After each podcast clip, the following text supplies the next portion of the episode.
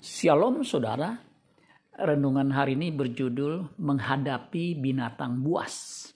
1 Korintus 15 ayat 32. Kalau hanya berdasarkan pertimbangan-pertimbangan manusia saja, aku telah berjuang melawan binatang buas di Efesus. Apakah gunanya hal itu bagiku? Jika orang mati tidak dibangkitkan, maka marilah kita makan dan minum, sebab besok kita mati terjemahan sederhana Indonesia 1 Korintus 15 ayat 32 berbunyi Buat apa saya rela berjuang melawan orang-orang yang sangat ganas di kota Efesus?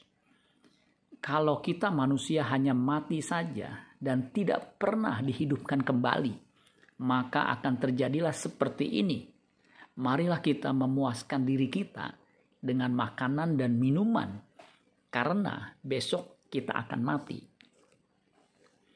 Paulus mengatakan bahwa ia telah berjuang melawan binatang buas di Efesus. Binatang buas di sini bukan binatang buas secara hurufiah, tapi bentuk kiasan, yaitu gambaran orang-orang yang punya prinsip filosofi sifat seperti binatang buas yang ganas dan bengis yang bisa mengoyak-ngoyak Paulus. Hal ini pernah dialaminya Kisah para Rasul 23 ayat 10. Maka terjadilah perpecahan besar sehingga kepala pasukan takut kalau-kalau mereka akan mengoyak-ngoyak Paulus. Karena itu ia memerintahkan pasukan untuk turun ke bawah dan mengambil Paulus dari tengah-tengah mereka dan membawanya ke markas. Paulus pun pernah mengatakannya bahwa ia menghadapi orang-orang yang ganas ketika ia melayani pemberitaan Injil. 2 Korintus 11 ayat 23 sampai 26. Orang percaya juga menghadapi binatang buas yang bisa mengoyak-ngoyak iman percayanya.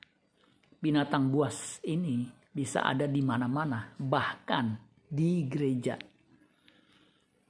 Karya Plautus berjudul Asinaria tahun 195 sebelum Masehi mengungkapkan istilah Latin Homo homini lupus. Istilah tersebut dapat diterjemahkan sebagai manusia adalah serigala bagi sesama manusia. Yang diinterpretasi sebagai, berarti manusia sering menikam sesama manusia lainnya. Istilah itu sering muncul dalam diskusi-diskusi mengenai kekejaman yang dapat dilakukan manusia bagi sesamanya kita dihebohkan oleh peristiwa pembunuhan yang dilakukan oleh seorang pendeta terhadap wanita selingkuhannya. Mirisnya, hal itu terjadi di pastori gereja.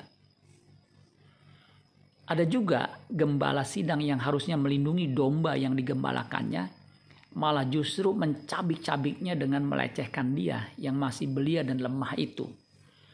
Berita ini terekspos ke media sehingga terjadi kehebohan. Betapa mengerikan peristiwa ini. Mungkin ada yang dicabik dan dikoyak tidak secara fisik dengan kelakuan orang-orang ganas ini.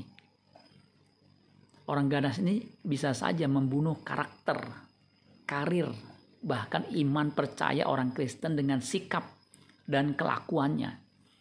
Kita yang diperlakukan sadis oleh mereka, jangan sampai undur karena ada pengharapan bagi kita yang bertahan.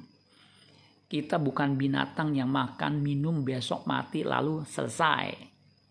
Bagi kita yang percaya ada kehidupan di balik kematian. Karena ada kebangkitan di balik kematian sebagaimana Kristus mati lalu bangkit dan hidup selama-lamanya. 1 Korintus 15 ayat 20 tetapi yang benar ialah bahwa Kristus telah dibangkitkan dari antara orang mati sebagai yang sulung dari orang-orang yang telah meninggal. Amin buat firman Tuhan. Tuhan Yesus memberkati. Sola Gracia.